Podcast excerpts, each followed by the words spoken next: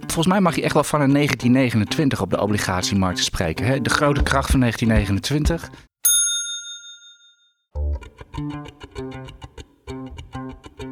We dig our own grave with Cybertruck. Wie zou dat nou gezegd hebben, Niels? Nou, Cybertrucks. Ik geloof dat er, als er één bedrijf is die daarmee bezig is, dat dat Tesla is. Dus het zal wel uh, Elon Musk zijn. Ja, echt. Zo trapt hij de marketingcampagne af, zou ik bijna willen zeggen. Maar dat lijkt me een beetje overdreven. Maar je hebt het nieuws natuurlijk gezien. Uh, eind volgende maand uh, moet de Cybertruck de Tesla Cybertruck. De nu al legendarische Tesla Cybertruck. Die moet dan eindelijk op de markt gekomen. Dus ik weet niet hoeveel voorbestellingen van. En dan denk je van, nou, dan gaan we cashen. Maar daar was de heer Musk niet zo heel positief over. Nee. Daar gaan we het, daar gaan nou, we Als ja? je natuurlijk wil cashen, dan moet je wel de productie snel opvoeren. En dat zit een beetje het probleem. Dus. Ja, en dat kostte ook een lieve duit. En uh, dat hebben we vaker gezien bij Tesla. Dat geeft me weer eens aan hoe moeilijk het is om een nieuwe auto op de markt te brengen. Ja, u hoort het al. Welkom bij de X Beleggers Podcast. We zitten op vrijdag 20 oktober. Het is 11 uur. De AX staat min 0,6. En vanmiddag is er nog een optie-expiratie, als ik het goed heb. Derde vrijdag van de maand. Ja, en wat gaat er dit weekend allemaal gebeuren, Niels? Dit weekend? Ja, ja. Daar hoeven wij het niet over te hebben, hè, als, als beursmensen. Nou ja, wel als het impact gaat hebben. Maar ja, ik, ik, ik kan me daar... Hè, we hebben het natuurlijk over de... Ja de grondoperatie uh, van Israël in de Gazastrook. Ik, ja, ik, ik, ik, ik, ik moet ook toegeven, ik, ik heb hier ja, weinig kaas van gegeten. Ik, ik, ik kan hier niet heel veel over vertellen. Ik denk alleen dat de impact op de markt nog wel mee kan vallen, denk ik. Maar dat is meer omdat we gezien hebben dat bij de aanval van Hamas op Israël we ook weinig impact hadden. Dus ga ik ervan uit dat dat nu weer zal zo zijn. En ook omdat we het nu verwachten, hè, dat is natuurlijk ook wel belangrijk. Ja, dat scheelt wel. De onzekerheid zit hem natuurlijk ja, in hoeverre er andere landen, partijen en weet ik veel wat er niet bij betrokken uh, raken. Maar voor dat soort dingen, dergelijke scenario's, kunt u beter naar andere podcasts gaan luisteren. Wij gaan het echt over de beurs hebben en en de mogelijke impact. We zagen het denk ik vorige week vrijdag al. Uh, koersen fors omlaag. was echt een risk-off. Had ik zoiets van, hey, niemand wil met uh, risico het korte geld, dan echt het echte handelsgeld. Niemand wil met risico het weekend in het zou me niet verbazen als dat vandaag ook weer gebeurt. Maar nogmaals, je zegt er al, niet zo onvoorspelbaar als de markt. Die kan best wel weer, omdat iedereen dit verwacht, iedereen zo denkt, kan het ook weer dat de markt de, de andere kant uit gaat. En ook nog een optie-expiratie erbij. Wie weet wat er allemaal nog mogelijk is. Welke onderwerpen gaan we behandelen? Ja, vandaag? zal ik jou eerst nog even voorstellen, Anders? Want we oh. vallen natuurlijk altijd met de deur in huis uh, met deze podcast. Hoort hem al even. Niels Koerts, aandelenanalist van IX.nl. Ik ben Arendt Kamp, ik ben marktcommentator van IX.nl. Dit is de IX Beleggerspodcast, zoals gezegd, van 20 oktober. Uh, ja, wat gaan wij allemaal doen? We hadden veel cijfers deze week. Daar gaan we natuurlijk naar kijken. Onze eigen ASML. We gaan het niet over Just Eat Takeaway hebben. Die hadden ook cijfers, uh, Niels, hè? Ja, dat, dat, gaan we toch wel doen, toch? Nou, maar twee wat, zinnen. wat korter dan dat we normaal Ja, we doen. gaan het er niet een half uur over hebben, heel in ieder goed. geval. Dus, dus wees niet bevreesd. Of, ja, of misschien wel vindt u dat juist wel heel jammer. Dat, uh, dat lezen we dan wel weer, dat horen we dan wel weer. U weet ons te vinden. ASML natuurlijk. Oh, ASML Just Eat Takeaway. We hadden ja. vandaag ook Basic Fit. Daar ga jij zo even wat over, over vertellen. Box 3? Box 3, ja. Waar komt die vandaan? Daar ga, uh, wij zijn een actie begonnen bij, bij IEX. Box 3. En dan uh, denk ik dat u wel ongeveer weet welke kant dat uitgaat. Niels gaat u daar zo meteen alles over vertellen. Uh, we hadden ook nog Netflix. Die kwamen even lekker tussen de schuifdeuren met cijfers. Zoals gezegd Tesla. Uh, we hebben weer een hele serie luistervragen. En volgens mij ben ik er dan wel zo ongeveer. Hè? Of, ja, we hebben nog Flatex de Giro ook. Ja, met Ebusco was nog wel wat deze week. En met Vivorion. En, uh... Ja, dat komt dan in de versnelde ronde. Dus we hebben weer genoeg om te ja, bespreken. Ja, en dan hebben we het nog niet eens over wat ons volgende week allemaal te wachten staat. Dan is echt het hoogtepunt van het Q3 cijferseizoen. Heel Big Tech Amerika komt door het halve damrak. En ja, dan staan wij hier volgende week vrijdag met de tong op de schoenen. Staan wij hier wel weer een podcast vol te praten. Zoals altijd, we nemen deze podcast op op Beursplein 5. Uh, en heb ik dan nu alles gehad? Ja, ja, ja. Nou ja, Alle kijk, huishoudelijke mededelingen? Nou, ja, de enige huishoudelijke mededeling oh, je die we nog steekt er zelfs je vinger bij Ja, op. want dat is heel leuk. Want op maandag 6 november begint de, uh, de, de turbo-competitie... die door IEX en BNP uh, Paribas worden georganiseerd. En dan, ja, als je dan wat meer wil weten over turbo beleggen... maar ook, dan, hè, dan gaan we ook webinars houden. En ja, we kunnen het ook oefenen met, met fictief geld met turbo's. En dat gaan wij bij IEX ook doen. Dus wij gaan gaan ook een eigen subleague weer beginnen. Net als vorig jaar. En ja, oh, je begint te glimmen. Heb, nou gewonnen, ik, heb je gewonnen of zo? Nou, vorig jaar scoorde ik heel goed uh, in de subleague. Tweede plaats. Dus daar ben ik heel tevreden mee. Ik, alleen achter een gokker. dus ja. oh, jij bleef... gokt niet natuurlijk. Nee, nee, nee, natuurlijk niet. Maar in ieder geval heel leuk. Doe mee. Um, dan leer je wat meer over hoe turbo's werken. En wij doen... Het, het, is ook, het kost je geen geld, want het is met fictief geld. Dus dan kan je ook dan kun je gewoon eens wat meer risico nemen, of niet? Ja, nou, je kan er in ieder geval een hoop van leren. Of, of, of doe voor de gein eens, hou gewoon, uh, gewoon twee portefeuilles aan. En met die ene portefeuille doet hij dan precies het tegenovergestelde. Nee, dat is verboden. Dus dan oh. word je gedisqualificeerd. Dus uh, dat gaat hem niet worden. Maar goed, laten, we eens, laten we eens maar eens even, zoals we gebruikelijk doen. We kijken, is dat dan naar de brede markt, zoals dat heet. wat viel er allemaal op deze week, Niels? Nou, ik denk dat als er één ding is waar, waar we nu naar kijken, dan is het de renteontwikkeling. Je ziet de Amerikaanse tienjaarsrente nu al rond echt wel op die 5% uh, eh, zitten. En dat is echt wel een forse stijging. Want een mooi voorbeeld, drie maanden geleden was dat bijvoorbeeld nog 3,7%. Nou, dat heeft natuurlijk extreme invloed op de, op, uh, op de waarderingen van aandelen. Je ziet ook hypotheekrentes hard oplopen. Oh, wacht even. Dat heeft extreme invloed op de... Ja. Dat, Leg dat even als, uit. Een rentestijging van, van, van 3,6 naar 5, ja, dat heeft op, veel, uh, op heel veel, uh, van veel bedrijven toch wel een negatieve impact van minimaal 10% op het koersdoel. Hoor. Kun, kun jij in een paar regels uitleggen aan mensen die dat, dat nog steeds niet goed begrijpen? Dat, de, de, de invloed van rentes op, op aandelen. Als de rente omhoog gaat, waarom gaan dan mijn Justy takeaways omlaag? Om het maar even heel gechasseerd te zeggen. Kun je dat nog één keer even heel goed uitleggen waarom dat nou zo is? Nou, waarom, ga, ik, ga, ga op her, ik ga op herhaling, want vorige week heb ik natuurlijk ook het, maakt, het maakt niet uit. Als ik zie wat ik alleen al op Twitter aan vragen en opmerkingen en gescheld krijg, dan snappen heel veel mensen dit nog altijd niet. Nee, ja, kijk, het, het komt er in feite op neer dat, dat wanneer de rente stijgt, dan in principe, in principe ja, de risicovrije rente gaat omhoog. Dus er komt een alternatief voor beleggen. Dat zijn dan obligaties waar je een hoger rendement op kan halen. Ja, en je weet zeker dat je geld terugkrijgt dus, en dat je coupons ja, krijgt. Dus als jij op, op beleggingen waar je dus minder risico loopt, meer uh, rendement kan krijgen, wil je ook een hoger rendement op de ja, uh, op je beleggingen waar je veel risico oploopt. Nou, hoe haal je een hoger rendement? Door minder te betalen. Dus dan gaan ook die waarderingen omlaag. En bij groeibedrijven speelt dat nog extra, omdat je langer moet wachten op die kaststromen. Ja, en bij een hoge rente is het minder aantrekkelijk om langer te moeten wachten. Dus gaan die aandelen uh, sneller omlaag. Ja, dus als u, ja, dus als u echt uw gevoelige cyclische of groeiaandelen, zoals Niels al zegt, gewoon echt hard op het bord tekeer gaan. Ja, kijk dan even wat verder dan alleen naar het bedrijf zelf en in de cijfers. Werp echt een bord op, de, op, de, op, de, op het rentebord. Werp een blik op het rentebord. Want ja, zoals jij zegt, het is, het is gewoon van invloed. En ja, een, een bedrijf kan nog zo goed presteren. Ook, ook groeiaandelen die snel hun boel op orde hebben, fundamenteel hun zaken. En zoals Justy Takeaway bijvoorbeeld ook doet. Ja, dan kan het aandeel toch nog gewoon omlaag. Omdat het gewoon relatief te duur is ten opzichte van, uh, van nee, risicovrij maar dat geldt dus ook voor die obligaties. Want wat we, die beweging die we nu gezien hebben de afgelopen twee jaar in obligaties, waar je echt twee jaar nog echt, dat hebben we echt geroepen, geroepen dat, dat die obligatiemarkt in een bubbel, dat een absolute bubbel was met die negatieve rentes. Nou, nu zie je met name bij lange termijn, uh, langlopende obligaties die, die rente oplopen en dus die koersen fors dalen. Want ja, ik weet niet, ja, dit, we hebben echt wel, uh, het is niet alleen aandelen die onder druk nee, staan. Nee, er zijn, uh, er zijn gewoon hele degelijke, saaie obligatietrekkers, bijvoorbeeld de iShares eh, wereldwijd, dat is dan een bekende, die is gewoon gehalveerd vanaf de top. Gehalveerd. Een obligatietrekker van 10 jaar. Volgens mij volgens mij mag je echt wel van een 1929 op de obligatiemarkt spreken. Hè? De grote kracht van 1929, de bear market tot 1932. Het is echt de enige daling die je echt in de hele lange grafieken uh, uh, ziet. Ja, eigenlijk is er iets vergelijkbaar gaande op de obligatiemarkt. Hè? Wij als, als aandelenbeleggers letten daar niet zo op. Uh, daar zijn, zijn, we gewoon niet zo mee bezig. We kijken met een half oog naar die rente. Maar het is, het is echt ongelooflijk wat, wat gaande is. En je ziet het ook steeds meer in de, in de media opkomen. Begint er ook wel gevoel voor te krijgen. je ziet het ook met die staatsschulden. De VS is heel veel geld aan het uitgeven momenteel. En gisteren was er uh, president Joe Biden wilde er weer even 100 miljard tegenaan gooien voor, voor het Midden-Oosten inderdaad.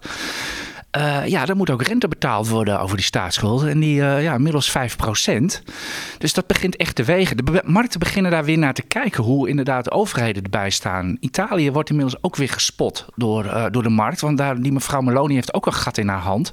En ja, er komt een moment dat de markten daar nee tegen gaan zeggen. Klopt, het is ook wel zo. Jij maakt die vergelijking met 1929. Dat is ook wel een heel extreem jaar. Want toen, toen hadden veel mensen gewoon niet te eten, letterlijk. En, maar, en toen ging de beurs in min 90 procent. Maar ja, aan de andere het grote trauma op de beurzen en onder monetaire autoriteiten. Iedereen 1929 en iedereen starved from cash. En uh, dat, is, dat is het grote, het, grote schrikbeeld op de beurzen, dat klopt. Dus uh, maar, maar het, ja, het, een halvering is echt heftig, omdat obligaties altijd als het veilige alternatief voor aandelen werd gezien. Als, als een soort van hedge, dat op het moment dat het de slechter gaat met de economie, dat dan obligaties in waarde stijgen omdat rentes dalen. En nu ja, gingen ze beide om hard omlaag. Dus dan maakte die spreiding niet zoveel uit. Ja, het risico kan nog zo laag zijn op een asset. Vroeg of laat komt er altijd een moment dat het hoog risico heeft. Ik denk dat het is misschien wel een wetmaat, misschien wel een blauw bordje van me, Niels. een blauw bordje. Nee, maar ik denk, ik denk dat misschien het belangrijkste van brede markt wel hebben gehad. Want dat was eigenlijk vooral die, die, eh, die rentes wel. Ja, en uh, ja, gisteravond was er ook nog Jerome Powell, de voorzitter van de Fed, die speechte. Er werd gehoopt dat hij hier iets over zou gaan zeggen. Daar heeft hij zich nog niet over uitgelaten. Die Amerikaanse staatsschuld, die hoge rentes. Nee, hij hield gewoon weer zijn gebruikelijke verhaal over, uh, ja, over rente, inflatie. En hij herhaalde zijn woorden van het laatste, van het laatste rentebesluit. Er zat niet zoveel verschil in. Dus dat was, dat was allemaal niet zo, niet zo heel interessant. Maar hij wil politiek wilde zich absoluut niet, wilde zich absoluut niet uitlaten. Eh, de vetvoorzitter. Nee. Ik, ik, denk eerlijk gezegd dat het ook verstandig is hoor, met al die hete hoofden tegenwoordig. Zullen we gauw naar de aandelen gaan? Want heel veel meer valt er denk ik niet zo te vertellen over de brede markt. Klopt, vanochtend hadden natuurlijk Basic Fit. Uh, waren op zich best wel goede cijfers. Uh, wel ja, wat... Geef eerst even je full disclosure voor af, want dit is, dit is een van de jouw zwaarste ja, ik zit daar wat, toch? Ik zit daar, oké, maar ik wil ook wel een genuanceerd, want natuurlijk is die ledenstijging van 100.000 was een beetje in lijn met verwachting, is mooi. Ook op jaarbasis een plus van 18% qua leden. Alleen wel, uh, dat zit hem ook wel voornamelijk in het groei van het aantal clubs, want dat was 19%. Dus in dat opzicht valt de groei bij het aantal bij die nieuwe clubs wel een beetje tegen. Enige wat er dan weer tegenover staat, dat veel clubs in september zijn geopend. Dus het geeft wat ongunstige vergelijkingsbasis. Maar al met al zie je dat die prijsverhoging die is doorgevoerd, dat dat wel gaat leiden tot betere marges. Omzet zie je stijgen, dus dat is allemaal positief.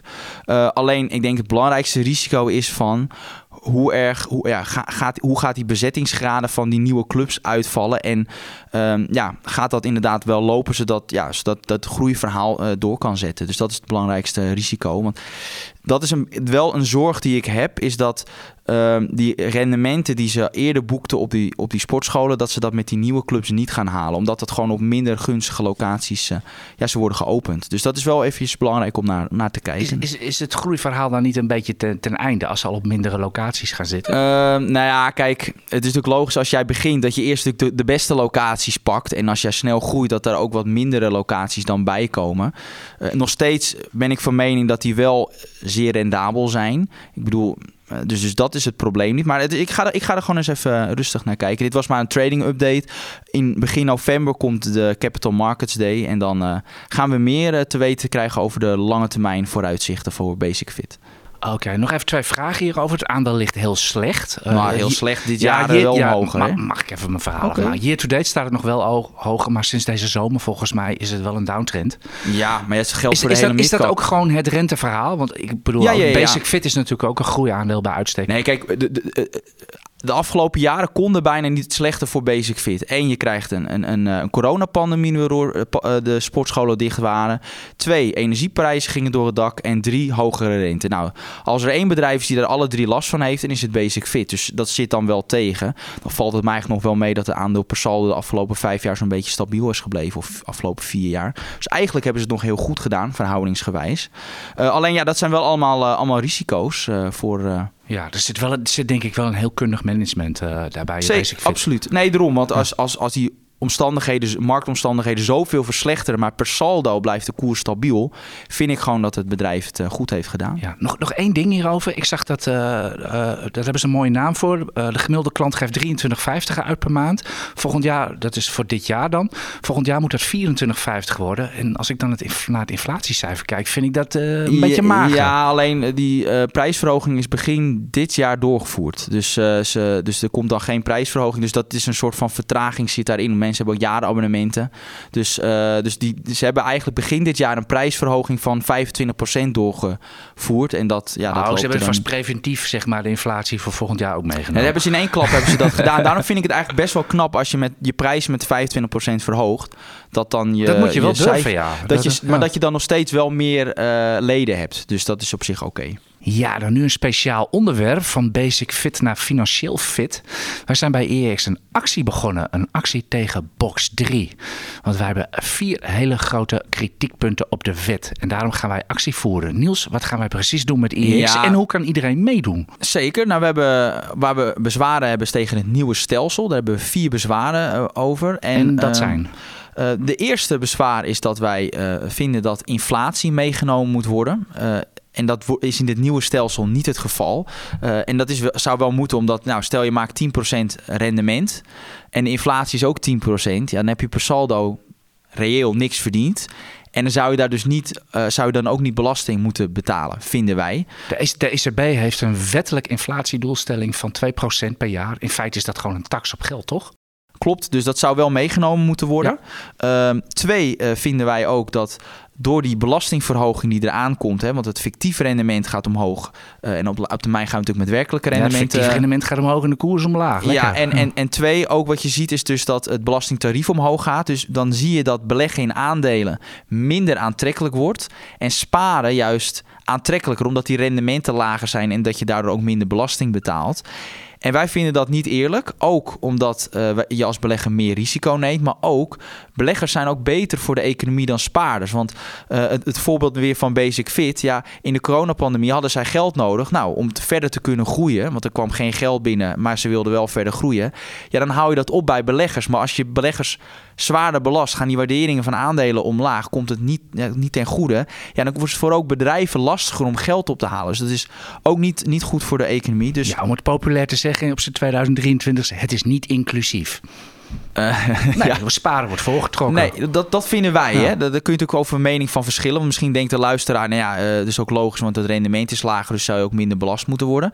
Maar goed, dus dat vinden wij een bezwaar. Derde, uh, weer die administratieve rompslomp bij de Belastingdienst. Nou, nu zie je al dat dingen traag lopen. Nou, laat staan als ze alles weer moeten controleren. Nou, nu heb je een simpel systeem. Ja, daar ga je dan toch weer van afwijken. Dat, dat vinden wij niks. Wordt, uh, fraudegevoelig ook. Ja, en vier, en dat is echt niet een, een onbelangrijke, want uh, ten vierde, uh, het is ook een pro-cyclische um, begrotingsmaatregel. Dus als het economisch goed gaat, hou je, gaan ook vaak aandelen omhoog, belastinginkomsten omhoog. Maar als het slechter gaat met de economie en aandelen dalen, ja, dan gaat ook die volledige inkomsten uit box 3 verdwijnen. Dus dan gaan ook die tekorten van de overheid lopen weer op. Dus ook voor de overheid, zowel beleggers moeten, hebben hier niks aan, is, wordt, maar ook als overheid zou je dit wat ons betreft niet moeten willen. Daarom gaan we in actie. We, mensen kunnen, we sturen het linkje in het podcastartikel. Uh, en dan gaan we een actie voeren, zodat uh, we ja, wat, wat petitie... moet je precies doen? Uh, ja, je, je moet, moet gewoon je een enquête hand, invullen. Handtekening zetten? Of ja, en dat gaan we dan weer inleveren bij, het, bij de minister van Financiën. Oké, okay, maar je hoeft niet te betalen of zo? Nee, zo dus werkt we, het. Dus we houden er weer niks aan over uh, met deze actie. Nee, maar dat doen we echt voor de belegger. dus uh, okay, nog dus even vooral ja, mee. Nog even voortbedurend, uh, voortbedurend hierop. 22 november gaan we natuurlijk stemmen. En wij gaan op, tenminste dat is ons plan Niels, op woensdag 15 november hopen wij met een podcast te komen waarin we de financiële programma's van de grote partijen even uit de doeken doen. En we kijken dus niet naar alle, hoe, hoeveel zijn het er Niels? Even 623 partijen, die doen we niet allemaal. We Nee. pakken even de grootste. Ja, hoe kijken ze tegen beleggen aan? Wat voor taxes, de huizenmarkt, de economie, dat soort dingen allemaal. We gaan echt naar de financiële paragrafen kijken, zodat u uh, wel beslagen ten ijs komt als u in het hokje staat met uw rode potlood in het hand. Ja, we gaan geen stemadvies geven, nee, absoluut dus niet. Absoluut geen stemadvies, maar we willen wel informeren. Uh, wat, het, wat in het belang. Gewoon wat zijn nou maatregelen die voor je als belegger gunstig zijn in de verkiezingsprogramma, niet gunstig. Maar we kijken ook wat verder naar huizenmarkt, werkgelegenheid, economie. Dus uh, ja, daar gaan we een speciale uitzending van maken. We gaan zo verder met de IEX Beleggers Podcast. Maar eerst graag uw aandacht voor de voordelen van een IEX-abonnement. Mijn naam is Patrick Bijesbergen. Als IEX-abonnee ontvangt u dagelijks kooptips, de beste analyses van onze experts, toegang tot onze modelportefeuilles en het wekelijkse magazine IEX Expert, het beste beleggersblad van Nederland. Ga naar ix.nl slash actie en voor eh, slechts 24,95 bent u drie maanden abonnee. Ja, steek weer je vinger op. wil, je, wil je naar de luistervraag? We doen nog even nee, ASML voor de vraag. ASML denk ik nog wel even kort. Um, tussenjaar, ASML. Een, een orderboek van 2,5 miljard, één kwartaal. Ja, vroeger zouden we, uh, zouden we gejuicht hebben, maar het is 2023. Dat viel heel zwaar tegen. Uh, ja, ASML had natuurlijk echt cijfers, cijfers deze week. Die waren, die waren gewoon matig. En uh, met name de outlook voor volgend jaar is uh, zeer zwak. Die is under review, zoals het heet. Maar ze gaan er eigenlijk vanuit dat de omzet gelijk gaat blijven voor dit jaar. We zitten op de bodem van de cyclus, uh, zei ASML-CEO Peter Winning. Ja, als je op de bodem van de cyclus zit, denk ik dat je je handjes mag dichtknijpen met wat er nu bij ASML op het bord staat. We staan, staan 20% eh, onder de laatste top. Iets, iets in die trend. De koers staat nog altijd heel hoog. Het aandeel is nog altijd heel duur, hoewel het wel weer op de niveau staat van uh, 2015, 16 en niet meer 2020, die overdreven waarderingen. Dus ik denk eigenlijk voor een cyclisch aandeel als ASML dat we heel goed wegkomen. Op, op dit moment met, met zulke cijfers en ook met wat, er, met wat er op het bord staat. Vind jij dat ook? Nou ja, kijk, het is ook wel zo omdat het vooral weer het geval is van uitstel en geen afstel. En, uh, en dan nog steeds, als je ziet, de, we gaan echt in die neerwaartse cyclus van de chipsector, dan een stabiele nee, omzet. De, de, bodem is bereikt. Ja, oké, okay, maar dan valt een omzet, een stabiele omzet die wordt verwacht volgend jaar, valt dan nog wel mee. Ja, dat, dat vind ik dus ook. Maar in ieder geval, als u op korte termijn voor, voor dit aandeel echt u wilt koerswinst halen, ja, dan wordt het denk ik wel een lastig verhaal. Maar ik denk voor lange termijn beleggers, uh, is is hier geen vuiltje aan de lucht. Uh, ik, ik, hou, ik hou ook gewoon mijn aandelen gewoon, uh, gewoon vast. Ik ook. Ja, er is natuurlijk ook weer sprake van, uh, ja, komt er een nieuwe concurrent? Canon heeft een nieuwe machine waarmee ze EUV zouden kunnen concurreren. Ja, natuurlijk komt de concurrentie, dat weten ze bij ASML ook wel. Maar ze hebben zo'n technologische voorsprong en ze zitten ook niet stil bij ASML. Ze zijn al met de volgende generatie machines druk bezig. Dus wat dat betreft kunt u ze rustig aanhouden. En ja, de cijfers maakten klip en klaar duidelijk hoe het, hoe het zit bij ASML. De, de, de orders uit Taiwan, Korea en de VS uh, waren echt geïmplodeerd. Dat, uh, en u weet wie dat zijn. Dat zijn natuurlijk TSMC, SK Hynix, Samsung, Micron en Intel. Dat zijn de belangrijkste klanten van, uh, van ASML. Ja, dat werd ruimschoots gecompenseerd. Dat is eigenlijk best wel een beetje ironisch door de Chinezen. De helft van de omzet kwam uit China deze de afgelopen kwartaal. Ja, maar dat had ik ook wel een reden. Ja, die, die zijn ja. gewoon echt aan het hamsteren, want ze mogen straks niet meer. En en ja, voor de echte meeschrijvers, waarschijnlijk kan uh, vanaf 1 januari mag ASML ook de TwinScan 2000i, als ik de naam goed heb. U kunt gewoon de folder op de site zien. Mag ook niet meer uh, naar China. De heer Winning had de folder erbij in de conference call. En ik denk dat het de hoogste tijd is om naar de luistervragen te gaan. Brandlos, uh, Niels. Ja, de eerste vraag is uh, voor mij. En dan zegt ja, oh. Niels neemt de rente mee in de waardering van aandelen, maar de rente verandert dagelijks. Hoe frequent pas je je waardering aan? Is dat per maand of per kwartaal? Over het algemeen is dat één keer per kwartaal dat je dat uh, meeneemt, tenzij er echt extreme schommelingen zijn. Dus, en ja, bij Netflix was het een mooi voorbeeld. Dat, nou, ik pak hem gewoon meteen. Dat waren prachtige cijfers, hele mooie groei qua aantal abonnees. Taxaties ook verhoogd. Alleen het koersdoel van mij ging maar met 1% omhoog. En hoe kwam dat? Omdat drie maanden geleden dus de, de, de rente 3,7% was en nu 5%. En dat is zo'n groot verschil. Dan heb je hele mooie cijfers, maar dan gaat dat koersdoel uh, ja, blijft dan bijna gelijk. Omdat ja, die waardering je gewoon het aandeel een veel lagere waardering toekent. Dat is heel je, raar. Ja, heb je daar een standaard rekentoeltje voor? Als de rente zoveel omhoog gaat, gaat nee, de dat zit, ja, dat zit gewoon in mijn modellen verdi verdisconteerd. Dus, uh, dat, en dat, is dat bij ieder aandeel anders of is dat overal hetzelfde? Dat is dus bij ieder aandeel anders. Omdat bij die groeibedrijven hakt het er dus meer in dan bij die waardebedrijven. Maar dat komt dus, ja, daar heb je gewoon formules voor en dat zit daar dan in. Oké. Okay.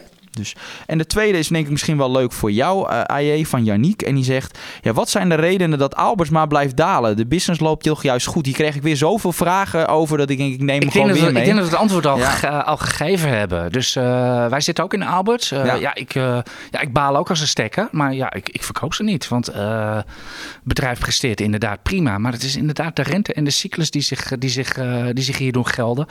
Ik vind dat Alberts een defensief aandeel is. Of eigenlijk gewoon een beetje een blue chip. Maar de markt vindt het nog altijd cyclisch. En uh, de markt heeft altijd gelijk. Nou, die heeft nooit gelijk, maar die krijgt altijd gelijk. Laat ik het zo zeggen. Nou, de derde vraag is van Steven. Die zegt, ja, heren, is er een reden om bij nieuwe aankopen een strong buy advies over te slaan en een aandeel te kopen met een buy of hold advies? Spreiding of, uh, of andere uh, dividend zijn andere, andere redenen waarom je dat zou eventueel zou kunnen doen. Ja, kijk, in principe een aandelen met holdadviezen kopen zou ik meestal niet doen. Tenzij je echt een bepaalde sector wil hebben in je portefeuille waar je dan geen koopadvies op hebben staan. Dan zou je dat vanwege spreiding kunnen doen. Uh, maar over het algemeen, het, aandelen die wij op strong buy of buy hebben staan, ja, dat zijn wel de aandelen waar, die wij het liefst kopen. Dus, uh, dus in de holdadviezen zou ik nog gewoon even wachten. Zet dat dan gewoon op je, op je watchlist bijvoorbeeld. De waardering wat afkomt. Dus dan... Dat ze dan op als een ik, als ik hier even niveau op in mag haken, echt, echt ook met wat er nu allemaal gaande is in de, in, in de wereld, hou een watchlist bij. Ik bedoel, crisis in, in, in de wereld en daarmee ook een beurs die afwachtend is. Dat is vaak het start zijn van hele mooie lijntjes omhoog. Dus hou je nou niet zozeer bezig met wat, wat er allemaal op de voorpagina van de kranten staat en waar het nieuws mee lo, loopt te gillen. Maar, maar kijk gewoon eens goed om je heen. Bijvoorbeeld small caps, die zijn... Uh, die zijn ontzettend goedkoop, blijven heel erg achter, worden zelfs afgefakkeld. Hier in uh, Amsterdam de AMX, in, uh, in Amerika hebben we natuurlijk de Russell 2000. Misschien is dat wel een idee. Of, of misschien al wel, eens wat, wat te kopen. Timen is, is sowieso natuurlijk al uit den boze. Ik heb dat zelf in het verleden gedaan. Gewoon wat plukjes op de daling, uh, op de daling bijkopen. Gaat vanzelf alweer een keer omhoog. En er zijn ook heel veel mooie, mooie defensieve dividendaandelen. Die staan gewoon weer op waarderingen van tien jaar geleden. Dus voordat het grote gratis, tijd, gratis geldtijdperk begon. Ik noem een Coca-Cola, een PepsiCo, McDonald's. Dat soort aandelen, die zijn gewoon geweldig afgekomen. Terwijl ze gewoon uh, volop presteren. Dat zijn denk ik de kansen, ja, de kansen in de markt. Maar die lage waardering is natuurlijk niet voor niets. Want de rente staat op het hoogste niveau in 15 jaar dus. Ja, natuurlijk. Maar je moet toch in kansen denken, of niet? Nee, uh, dat Niels? is ook zo. Dat is ook zo. Dan, oh ja, die is ook wel leuk voor jou, AJ. Um, hebben we wel vaker gehad, maar dat, omdat die vragen maar blijven kopen, komen, doen we dat wel gewoon nog een keer behandelen. Van Ruben Vogel, die zegt: Regelmatig zie ik bij jullie strong buy adviezen staan, zoals bij AMG bijvoorbeeld. Maar bij Tostram staat er dan verkopen. Is hier een logische verklaring voor? Dat weet jij wel. Ja, dat is een hele logische verklaring. Er is nou eenmaal een groot verschil in hoe je fundamenteel naar de markt kijkt en technisch. En een aandeel wat fundamenteel een uh, waanzinnig mooie koop kan zijn, kan technisch een, uh, gewoon een, een no-go zijn, gewoon een downtrend. Dat is, dat is eigenlijk het hele verhaal. En vice versa natuurlijk. Ja, gewoon andere methodiek. Dus ook andere adviezen. Oké.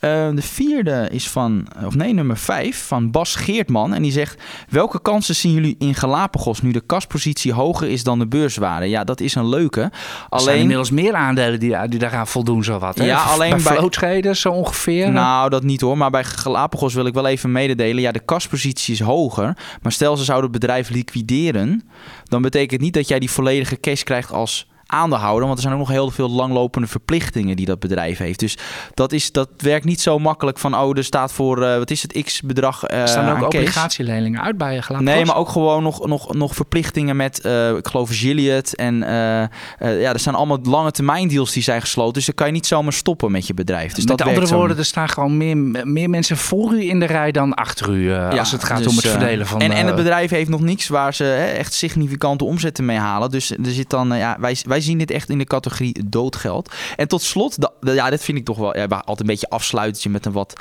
altijd een Kruidige leuke vraag. Ja, die is van Thijs van der Wouw en die zegt: Hoi AJ en Niels, ik ben groot van, fan van jullie podcast. Al rest mij nog een vraag. Hebben jullie toevallig ook merchandise? Graag zou ik een AJ koffiemok drinken en met een Niels Koert shirt lopen. Nou, ik zit wel te denken van een AJ koffiemok. Ik denk niet dat we daar heel blij van moeten worden. nou, dat worden dan espresso glaasjes. Oh, ja, nee, ik zou dat... En zou... wat moet er voor shirt van jou maken dan? Nou, ik denk niet... Een Borat? Een Niels Borat?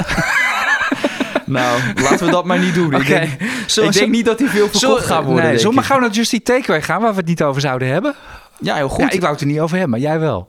Ja, dat klopt. En waarom Nou ja. wil ik het er niet over hebben? Ik denk dat de cijfers van deze week voor de beleggingspropositie helemaal niks uitmaken. Nou, ik vond wel, op zich, de, de bedrijfsresultaat was wel beter dan verwacht. De verwachte outlookverhoging, nou, wat Robert Manders toen al in, eh, hè, een paar aantal weken geleden bij ons in de ja, uitzending dat zei. was, was chroniek van een aangekondigde outlookverhoging. het, het is wel zo, waar ik wel een probleem mee heb, is die... Ja, toch wel dat Grubhub, dat was wel heftig hoor, die, die omzetdaling. Wat was het, min 15% of zo? Dat is in een periode van hoge inflatie. Oh, dat word je niet blij van. Ja, en bovendien, uh, Grubhub is natuurlijk vooral actief in New York. En ja, volgens mij is de conjunctuur daar niet eens zo heel beroerd. Dus, dus dat kan ook uh, het excuus niet zijn. Ik denk wel overal, uh, dat hebben we ook aangegeven toen wij, toen wij erin stapten. Dus ru ruim een half jaar geleden in Just Takeaway. Van ja, we houden er zeer terdege rekening mee dat, als, hè, de, dat de economie gewoon nog 1, 2 jaar kan tegenzitten. Misschien wel recessie. En dan gaat het aan de lage rente, we, hebben we ook genoemd. Ja, dat scenario ontvouwt zich op dit moment een beetje. Dus dat is net als met Albert. Dus dat is gewoon dik balen. Ik kijk ook tegen een dikke min aan. En, en, jij ook. Net als heel veel van onze luisteraars, denk ik. Voor mij is het geen enkele reden nog om het aandeel te verkopen. Nee, nee, nee. En, in principe inderdaad qua kaststroom, dat, dat gaat beter dan verwacht. Dus ze, verwachten eerder kaststroom positief te zijn dan eerst. Ik geloof dat ze begin volgend jaar al verwachten een positieve kaststroom te draaien. Dat is mooi. En dan is het vooral wachten van wanneer wordt het Grubhub verkocht. Want dat is natuurlijk de echte, uh, dat gaat de echte koerstrigger uh, zijn. Dat, dat hoop je. Maar in ieder geval, ze hoeven niet van Grubhub af. Ze zitten niet om cash verlegen nee. of wat dan ook. Dus als Jitse de prijs niet... Uh, Jitse, alsof we hem kennen. Dat CEO Jitse Groen, ik zal het even netjes zeggen. Uh, als hij de prijs niet goed vindt, dan doet hij het gewoon niet. Nee, klopt. En, uh, en, en belangrijk wel, een Noord... Noord, of Noord, Nederland en Duitsland, Noord-Europa. dat gaat wel goed. Dus, uh, dus, dus, dus, dus da, da, ja, daar zie je ook die marges verbeteren. Dus, dus ja, in principe, we zijn niet ontevreden met die cijfers. Maar dat Grubhub, dat deed me toch wel een beetje pijn aan mijn ogen. Ja, maar ja, daar gaan ze dus ook vanaf. Dus... Uh... Dat hoop ik uiteindelijk. Ja, dat, dat, dat, hopen we dan. Hoop is verkopen, uh, zeggen ze toch ook? Ja, waar jij ik misschien niet of wel vanaf wil gaan, Tesla. Want uh, we hebben het er kort al even over gehad. Maar wat vond jij van de cijfers? Je hebt daar natuurlijk naar gekeken. Nou, nou naar gekeken. Niet, ik kijk niet als een analist zoals jij, uh, zoals jij kijkt. Ik kijk wat globaler. Die cijfers vielen, vielen gewoon wat tegen. Dat is allemaal op zich niet, niet zo ramp. En in eerste instantie steeg de koers ook op, op die cijferpresentatie met, met een procentje. En ik, ik had zelf het idee van, hey, dat, dat komt waarschijnlijk omdat ze die Cybertruck gaan aankondigen. Dat is echt een fantasie die erin zit. Maar ja, toen kwam de, toen kwam de conference call. En die doet uh, Elon Musk altijd zelf. En ja, we, met die quote, uh, ja, met, met, met Cybertruck, wat zijn we begonnen? ja, gaf hij eigenlijk al aan van, dat het een heel lastig verhaal is. En dat, dat kost waanzinnig veel geld om die auto te ontwikkelen, om die hele productielijn uh, op te zetten. En dat gaat echt nog zeker anderhalf jaar uh, duren. Kinderziektes noemde die ook al bij voorbaat. Dus als u zo'n ding hebt besteld en u krijgt u gaat kinderziektes meemaken. De, allemaal niet zo fraai. En ja, dan ging het aandeel dus ook gisteren uiteindelijk gewoon uh, min 9 op. Dat, uh, dat, dat, hakte er, dat hakte er wel even ja, in. Dus, dacht dus, je eerder al min 5. Dus, je, hebt, je hebt vaak Jitse Groen die nog wel eens een, bij een conference call nog wel eens de koers, hè, de, het sentiment wil verpesten. Maar als er iemand in Amerika er wat van kan, dan is het Elon Musk. Ja, hij, moet, hij heeft het al zo vaak gedaan. Hij moet het natuurlijk gewoon geweten hebben dat die koers daarop ging reageren. Maar ik vind dat wel het leuke aan bedrijven waar nog echt een ondernemer aan het roer zit. Ja, die zijn meestal uh, die durven wel wat te zeggen vaak. Dat heb je toch ook met, met, met René Moos van Basic Fit gehad. Dat heb je toch ook wel eens met je oren ja. staan klappen. Ja, dat dan in het persbericht, uh, hè, dat, dat zaten we op het hoogtepunt van, van de coronapandemie en vergeleken het met de griep, ja. En sindsdien is het wel zo, en dat, dat, heeft, dat, dat zeg ik gewoon, dat heeft IR maar ook wel eens toegegeven. Daarna willen ze die man ook een beetje buiten, buiten de media willen ze houden. Omdat, ja, want voor de, ze weet moeten ze weer een persbericht oh, sturen. Ja, ja maar dat, dat, dat is, die geven er wel de jeu aan. Ik bedoel, een manager uh, die komt met een leger aan advocaten en, en, en communicatietypes allemaal. En zo'n ondernemer, uh, die, die roept gewoon Ja, wat. dat zijn, ik noem dat, dat zijn de echte bedrijven, noem ja, ik dat. Ja, ik vind ik, dat vind ik ook veel leuk. En dat is ook, ook leuker om in, in te beleggen. Maar ja, het kan zich ook wel eens heel erg tegen je keren. En dat is, uh, dat is nu denk ik even het geval bij, uh, bij, bij Tesla. Tesla. Maar sowieso, ook Tesla heeft heel erg last van de Chinese. BYD heeft al bijna een groter marktaandeel in uh, aan de VS dan Tesla. Zitten ze echt op de hielen. En verder ja, vond ik vooral in die cijfers opvallen dat die marges zo verschrikkelijk omlaag zijn gegaan. Van 25% naar 16%. En ja, dat denk ik dat dat ook wel een wat uh, lagere koers rechtvaardigt. Is echt fors. Dus um, jij houdt ze wel gewoon vast? Ik hou ze gewoon vast. Ja. Met frisse tegenzin? in? Of? Nee, nee, nee. Maar dit is echt mijn fun positie. Ook al, ik heb hier niet eens een scenario voor. Ik vind het gewoon leuk. Oh, En, en dan willen wij mensen willen we informeren. En dan zeg jij, ik heb een aandeel Tesla, daar heb ik niet eens een scenario Nee. voor. Nee, nee, nee. Ik vind het gewoon leuk om in Elon Musk te, te beleggen. Oké. Nee, ik, ik wil dat best wel even uitleggen. Maar mijn ik, ik ben een kleine belegger, maar mijn portefeuille is dusdanig dat ik wel een hoekje kan inruimen. Hè, onze pensioenfondsen doen het ook. Die hebben, die hebben ook gewoon een hoekje waarmee ze hoog risico en rare fratse dingen doen en zien hoe het uitpakt. Tesla is wat mij betreft past dit, eh, past dit in het hoekje van ik zie het gewoon wel. Maar jij, jij noemt jezelf ook een kleine belegger. Want ik, ik, ik ga geen bedragen noemen. Maar ik denk dat de meeste mensen, als ze jouw portefeuille in zouden zien, zouden ze toch wel stik jaloers zijn. Eh, ja, maar er zijn ook mensen die lachen erom. Dus, eh, Ja, dat dus, blijf je eh, altijd houden. Maar die hebben echt veel geld dan. Nee, nee, nee. nee maar laat, laat ik het zo zeggen. Ik zit boven de ton, maar minder dan een miljoen. Wat er in, wat er in de aandelen zit. Dus dan, dat geeft wel een beetje een indicatie, denk ik. ja, heel goed. Ehm, ik denk dat we Tesla wel aardig gehad hebben. Ja, Zullen ja het, is, ik, het is een hele slechte overgang. Maar ik wil dus, ik, ik wil dus van Tesla naar Flatex de Giro. ja, eh, ja, u kan ook bij Flatex de Giro kan u ook eh, Tesla Heel ko- goed. kopen Ja. en verkopen. Ja, oh, dat is een mooi bruggetje. Dat Ja. had ik niet aan gedacht. Even trouwens de felicitaties voor de, voor de Giro. Die bestaan tien jaar. Oh. Eén deze dagen. En ze hebben het gevierd met mooie cijfers. Mooie derde kwartaalcijfers. Dat is ook toch weer een grote positie van jou, of niet? Flatex de Giro. Nee, Oh, dat een dacht ik, procent of drie. Nou, dat, nou, Nou, dat valt wel Nou mee, goed, hoor. maar in ieder geval, jij hebt er serieus geld in zitten. Ja, dat Ja. wel. Maar eh, en wat vooral aan die cijfers opviel was... eh, nou, we wisten allemaal dat die, dat die volumes onder druk stonden. Dus ook die commissieinkomsten. Eh, alleen, de, de rentebaten die gingen wel fors hoger dan verwacht. We wisten dat de rentebaten omhoog zouden gaan. Maar toen zag ik die plus van 164 procent. En eh, daardoor halen ze daar een omzet mee van 38, 38 miljoen in het derde kwartaal. En waarom zeg ik die 38 miljoen? Dat is dus bijna 40 procent van de, ja, van, het, van de totale omzet. Dus dat zou je bij een broker niet verwachten. Dat de rentebaten eh, bijna net zo groot zijn als de commissieinkomsten. En hoe komt dat? Nou, Flatex de Giro die zegt gewoon... eh, nou, al het geld dat je bij ons stalt... ja, daar geven wij geen rente over. En eh, ja, een... een, een ehm, Maar zelf, Trade vangen, Republic maar, maar zelf vangen we dat wel. ja, en da- daardoor zie je dus die, die baten omhoog gaan. En het, het grappige is, je zou denken, dan gaat er minder geld gestald worden bij de Giro. Maar dat loopt dus op. Terwijl een Trade Republic, een concurrent, die doet 4%. Nou, ja, hadden iedereen eerder- zet daar natuurlijk al bergen geld klaar om Tesla te gaan kopen en Just Eat Takeaway als ze zijn uitgedaald. Ja, we hadden Erik Maurits hier vorige week. Ja, die zegt we hebben 4%. Ja, die verbaast zich er ook over. Dan hoe kan het dat mensen daar dan nog geld hebben staan als je bij een Trade Republic 4% Eh, ja, krijgt? Erik Maurits van Trade Republic, dat was natuurlijk wel een sponsored uh, Ja, weet ik, maar dan nog. Het is, het is toch wel zo? Ja, uh, nou oké, okay, ja. Dus, maar goed, ja, ik heb ook gewoon nog bij de, de Giro mijn geld. dus, maar... ja. Oké, okay, nou dan lijkt me dit onderwerp nee, veel mee maar afgesloten. al met al, um, dat was wel echt... En daar zit de fantasie in. Dus ik vind Flatex, de Giro, um, vind ik ook best wel een leuke, leuke hedge tegen een hogere rente. Want zij profiteren daar dus van als een van de weinige bedrijven. Dus, uh, en voor het echte advies moet je natuurlijk naar de website. Wat ik daar voor waarde aan plak. Maar uh, ja, het koers ging ook, wat is het, plus 14 op die cijfers. Ja, ja, de, het was mooi. Vanochtend zag ik dat de VIX, de volatiliteitsindex, staat weer boven officieuze, zo heet dat officieel, uh, nervositeitsgrens van 20. Heeft Flatex de Giro daar ook baat bij? Flow traders, ik durf de naam ja, bijna niet te ja, noemen. ja, maar dan moet het eigenlijk wel een beetje naar die 30 gaan. Hè? Dan ja, moet, het, moet, het is nog niet genoeg. Hè? 20, dat wordt een beetje een fix van 20 voor de, voor de luisteraars. Dat is een beetje dat er sprake is van spanning, maar nog niet echt dat er angst komt. Dan moeten we toch boven die 30, 40 gaan. Ja, boven, boven 40 is het wel vrij paniekerig. Ja, dan gaan ze echt wel, dan gaan ze echt wel omzetten maken. Oké, okay, nou. Zijn we, ja, moeten we naar de versnelde ronde? Zeker weten. Ja, ja, we trappen weer af met mijn favoriete rubriek, de versnelde ik begin, ronde. Ik, ik, ik, begin nu. Oké. Okay. Gisteren, gisteren herdenk, herdachten we Black Monday van 1987, uh, Niels. Out of the blue ging op die dag de, de Dow Jones uiteindelijk min 22,6. Ik weet de score uit mijn hoofd, min 22,6 procent. De AX hield het op min 12 die dag. Het was pas na het slot van, uh, van Amsterdam dat het echt misging in, uh, in de VS.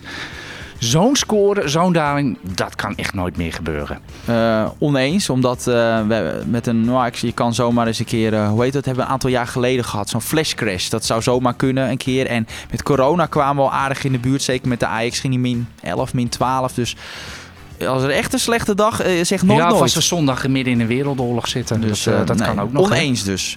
nu voor jou, Philip Lane, hoofdeconoom en voormalig lid van de ECB, zegt dat de inflatie nu niet zichtbaar lager was geweest als de ECB de rente eerder had verhoogd. Eens of oneens?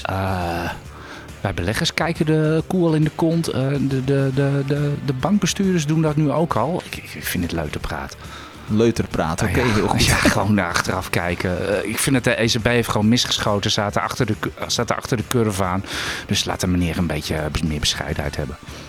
Uh, oh ja, ik moet natuurlijk uh, meteen door. Oh ja, Brian Garnier is er het koersdoel voor Vivorion op uh, 1 euro.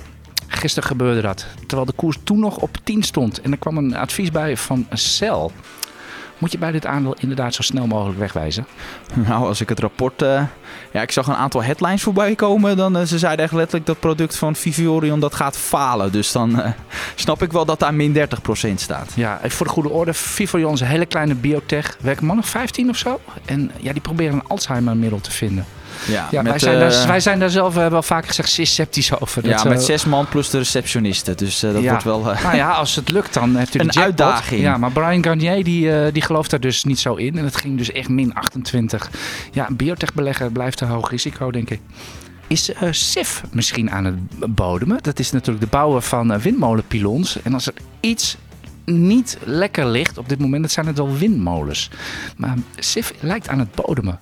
Nou, ik zou uh, bij SIF altijd nog wel een beetje voorzichtig zijn. We zijn als beleggers wel wat enthousiaster over geworden. Dus daarvoor de hele update naar de website. Maar zelf, uh, ja, ik, uh, ik heb er een beetje een slechte ervaring mee. Want ik heb ooit dat in de beginjaren gehad en dat was niet heel succesvol. Dus ik ben daar ja, wat minder. ik heb er gewoon een slecht gevoel bij. Ja. ja, en dan nu nog die ene naam waar iedereen denk ik op zit te wachten deze podcast. Wat is er deze week allemaal met Ebusco allemaal wel niet gebeurd?